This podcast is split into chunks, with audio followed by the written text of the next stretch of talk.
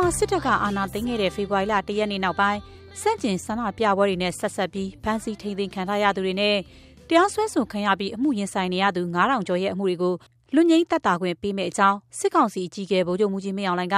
အောက်တိုဘာလ18ရက်နေ့ကပြောဆိုခဲ့ပြီးတဲ့နောက်ဒီသတင်းပတ်ထဲမှာဖမ်းဆီးထိန်းသိမ်းခံရသူတို့ပြန်လည်လွတ်မြောက်လာခဲ့ပါတယ်။မြန်မာနိုင်ငံအချင်းတောင်တီတီကပြန်လည်လွတ်မြောက်လာသူပေါင်း2500ကျော်ပြီလို့လည်းနိုင်ငံပိုင်သတင်းတွေကဖော်ပြပါတယ်။ ဒါပေမဲ့အခုလိုပြန်လွတ်လာသူတွေထောင်ထဲချီရှိပေမဲ့လို့ပြန်လွတ်လာပြီးတော့မှချက်ချင်းပြန်လည်ဖမ်းဆီးထိန်းသိမ်းခံရသူတွေကလည်းရှိနေပါတယ်။ဆရာနာသိမ်းမှုစန့်ကျင်ရေးလှုပ်ရှားမှုတွေမှာပါလို့သားနှစ်ယောက်ဖမ်းဆီးထိန်းသိမ်းခံထားရတဲ့မိခင်တူကတော့လူငင်းသက်တာခွင့်နဲ့သူ့သားတူပြန်လွတ်လာပြီးတော့မှချက်ချင်းပြန်အဖမ်းခံရလို့မခံစားနိုင်အောင်ဖြစ်နေရတယ်လို့ပြောပြပါဗျ။19ရက်နေ့ည7နာရီခွဲလောက်မှပြန်လွတ်လာတဲ့သမီးက9နာရီ25မှပြန်ဖမ်းသွားတယ်။ ခဏလေးပဲတွေ့လိုက်ရတဲ့တာကြီးကလေသူ့ပြန်ဖမ်းမှလို့လို့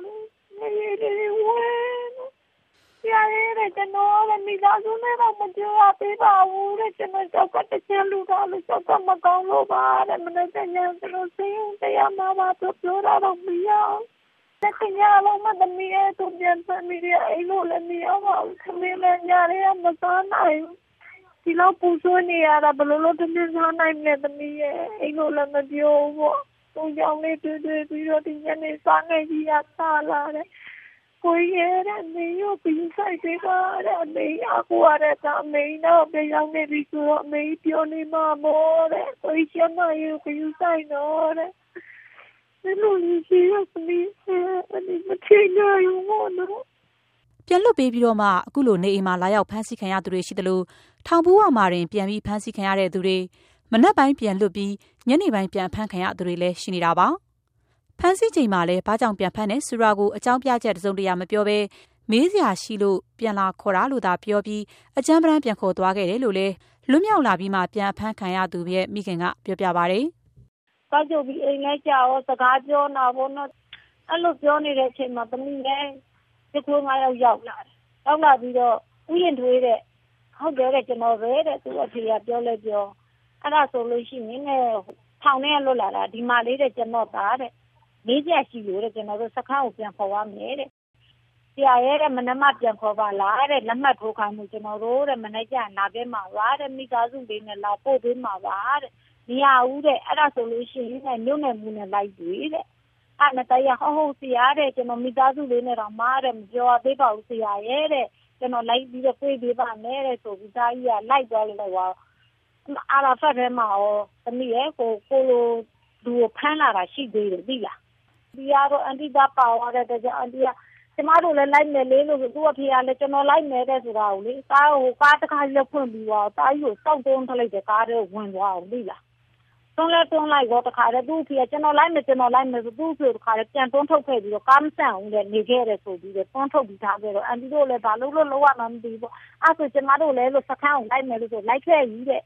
ကိုကနဲ့ကိုလိုက်ခဲ့တဲ့ကျွန်တော်တို့ကားတော့တဲ့ဒီမဆန့်တော့ဘူးတဲ့အဲ့ဒါနဲ့အရင်ညီမလည်းသူ့ကားထုတ်ပြီးတော့အားချင်းလိုက်တော့သမီးရဲ့စခိုင်းရှိလဲကြောက်တကားတွေပိတ်ထားပြီးအန်ဒီတို့ခွင်းမောင်းတို့လိုမောင်းထုတ်တယ်ဘယ်သူမှမလာဘူးတဲ့ထောင်ထဲကိုပြန်ခေါ်သွားတာနေလိမ့်မယ်တဲ့ထောင်ထဲကိုပို့လိုက်လိမ့်မယ်တဲ့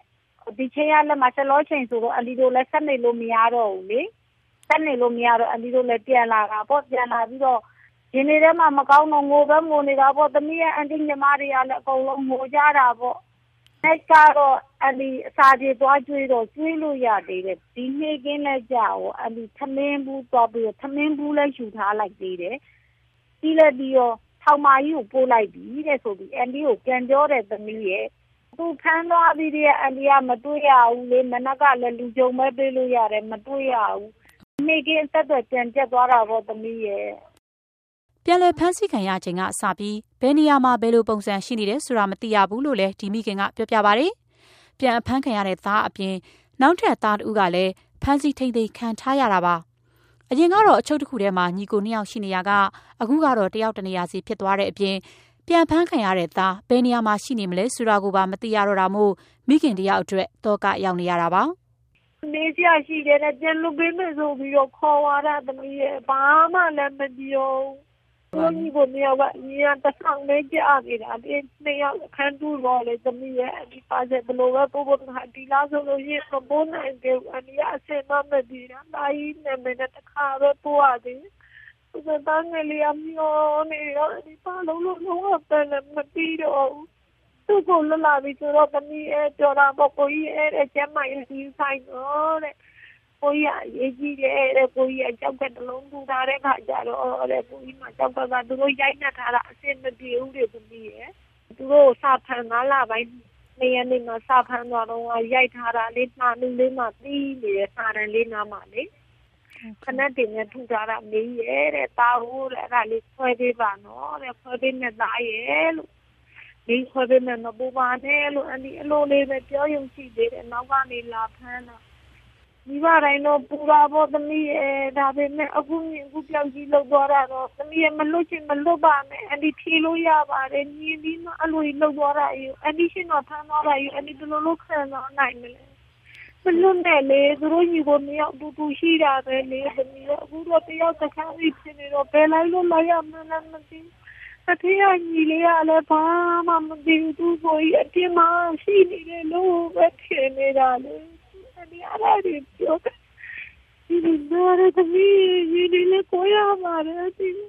ဒီမိခင်လိုပဲတားကိုခဏတွေ့ပြီးတော့မှပြန်အဖမ်းခံရတာကိုကြုံရတဲ့သူတွေရှိသလို လွတ်ဖို့အတွက်စာကြထားပြီးတော့မှမလွတ်သေးလို့ထောင်ရှိကိုနေ့စဉ်သွားဆောင်နေကြတဲ့မိခင်တချို့ကလည်းရှိနေပါတယ်။တားနှစ်ယောက်ဖမ်းခံထားရတဲ့ရန်ကင်းမြို့နယ်ကမိခင်တူကတော့အော်တိုဘာလ18ရက်လူငင်းချမ်းသာခွင့်တွေပေးမဲ့အကြောင်းမကြေညာခင်ကတည်းက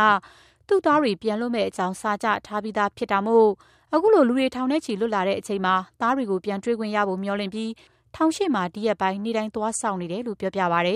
။စောင့်နေမနေ့ကလည်းမနေ့ကလည်းမနေ့9နာရီကနေပြီးတော့ည10နာရီထိ အခုလည်းအခုဒီနေ့တော့ပြန်လာတာပြန်လာတယ်အဲ့မှာကားပေါ်အရှင်ဆရာမပုံသက်လို့ကင်လိုက်တာဆရာမလက်ပြန်လည်းဆက်ဆောင်မှာလူတို့ပါသူတို့လွတ်လို့မလွတ်လို့သားနှစ်ယောက်ဖမ်းခံထားရတာ9လကျော်နဲ့10လလောက်ရှိနေပြီးဒီကာလအတွင်းသားတွေနဲ့တစ်ချိန်မှတွေ့ခွင့်မရသေးဘူးလို့လည်းမိခင်ဖြစ်သူကပြောပြပါဗျ။သားငယ်ဖြစ်သူကတော့ဖမ်းဆီးတဲ့အချိန်မှာရောစစ်ကြောရေးမှာပါရိုက်နှက်ဖမ်းဆီးတာခံခဲ့ရတယ်လို့လည်းမိခင်ကပြောပြပါဗျ။ လက်ရှိမှာ သားတွေရဲ့ ကျန်းမာရေးနဲ့ ပတ်သက်လို့ စိုးရိမ်တဲ့အကြောင်းလည်း သူက ပြောပါတယ်။ဒီလာမယ့်17လပိုင်း7ရက်နေ့ဆိုလို့ရှိရင်7လတင်းတင်းပြည့်ပြီ။အကြီးကောင်ကကြတော့ ဒီ9ရက်နေ့ဆိုရင်17လပိုင်း9ရက်နေ့ဆိုရင်9လတင်းတင်းပြည့်ဆရာမတစ်ချက်မှ မတွေ့ရသေးဘူး ခုချိန်ကြီးနေ့လေငိုးတော့ငိုးတယ် ဆရာမရဲ့ခဏတော့ဆရာမရဲ့ကလေးတွေက ကြာလာအခုအတွင်းထဲမှာ ဟိုမဝပဲ ခုနလပိုင်းကလွတ်လာတဲ့ကောင်ကြီးကကလေးလေးကပြောတာတော့ကြော်စင်တို့ကလည်းတော်တော်ပိန်နေတဲ့အန်ဒီကအန်ဒီအန်ဒီတဲ့ပုံကပုံတိုက်တာမဟုတ်ဘူးလေအဲ့လိုသူသူငါဒီစာကြီးတော့တာဝနေတယ်ဟိုပါကလည်းဘောင်းမီနည်းနည်းစိုက်ကြီးတာပေးလို့ဘာလို့ပြောနေလဲဆိုပြီးတော့အန်ဒီတဲ့အဲ့ဒါလိမ့်ကြီးလိမ့်နေလိမ့်တာနေမှာတဲ့အန်ဒီတာအဲ့ကျော်စင်တို့ကလည်းတော်တော်ပိန်သွားတာအဲ့လိုပြောမလွတ်မြောက်သေးတဲ့သားတွေအတွက် ထောင်ရှိမှာ နေစဉ် သွားဆောင်နေစေဖြစ်တယ်လို့သူတို့ ပြန်လဲလွတ်မြောက်လာဖို့အတွက် ရှေ့နေနဲ့ ဆက်ပြီးတော့ကြိုးပမ်းသွားမယ်လို့လည်း ဒီမိခင်က ပြောပါတယ် ရှင်းနေနဲ့ပဲ ဆက်သွားမှာပေါ့ဆရာမရဲ့အခု တရားသူကြီးကအဲ့ဒီအခုဒီပိတ်သိမ်းနဲ့မှမပါခင်တုန်းကလေဟိုဟာတရားသူကြီးက ပြောတယ်တဲ့တက်သေးတက်သေးခေါ်ခဲ့ပါလို့ ပြောတယ်တဲ့တက်သေးလေးနှစ်ယောက်လောက် ခေါ်ခဲ့ပြီပါပေါ့ အဲလို သူတို့မတရားဖမ်းတာတဲ့ဟာကိုငါတို့ကဘယ်ဘယ်ကတက်သေးရှာမှာလဲလို့ဘယ်သူမှလည်းမလိုက်ရဲဘူးလို့ဒီအတားမျိုးတက်သေးဆိုတာလို့မင်းကဘယ်လောက်သိလို့လဲဆိုပြီးတော့တက်သေးကိုတော့မှထပ်ချုပ်မဲ့လူလူလိုမျိုးကိုလို့ဘယ်သူကယုံကြည်မှာတော့လို့သူတို့ကိုတက်သေးကလိုက်နိုင်မှာလဲလို့အဲ့လိုပြောလိုက်တယ်မြန်မာနိုင်ငံမှာဆီယနာသိမ်းမှုနောက်ပိုင်းမလွတ်မြောက်သေးတဲ့သားတွေအတွက်စိုးရိမ်ပူပန်တောကရောက်နေရတဲ့ဒီလိုမိခင်တွေကတော့အခုအချိန်မှာအများပြားရှိနေတာပါ စစ်တပ်အာဏာသိမ်းပြီးတဲ့နောက်ပိုင်း ဖမ်းဆီးထိန်းသိမ်းခံရသူပေါင်း9000ကျော်ရှိပြီး9000ကျော်က ဆက်လက် ဖမ်းဆီးထိန်းသိမ်းခံထားရဆဲပဲလို့ နိုင်ငံရေးအကျဉ်းသားများ ကူညီဆောင်ချောက်ရေးအဖွဲ့ AAPP က ထုတ်ပြန်ထားပါတယ် ဒီထဲမှာတော့ အမျိုးသမီးတွေနဲ့ ကလေးငယ်တွေ အများပြား ပါပါတယ် ဖေဖော်ဝါရီလတရက် အာဏာသိမ်းမှုအပြီး စစ်ကောင်စီရဲ့ပြစ်ခတ်နှိမ်နင်းမှုတွေ ဖမ်းဆီးနှိပ်စက်မှုတွေအတွင်း သေဆုံးရသူ1100ကျော် ရှိတာမှာလည်း အများစုက လူငယ်တွေဖြစ်ပြီး အရွယ်မရောက်သေးတဲ့ ကလေးငယ်တွေတောင် ပါတာမို့ ကုလသမဂ္ဂနဲ့ပြည်တွင်းပြည်ပလူခွင့်ရေးအဖွဲ့တွေကတော့မြန်မာစစ်ကောင်စီကိုဝေဖန်ရှုံချနေကြတဲ့အကြောင်းတင်ပြရင်းဒီသတင်းမှန်မျိုးသမီးကဏ္ဍကိုဒီမှာပဲရန်နာခွင့်ပြုပါရှင်။ကျမခင်ဗျပြပါရှင်။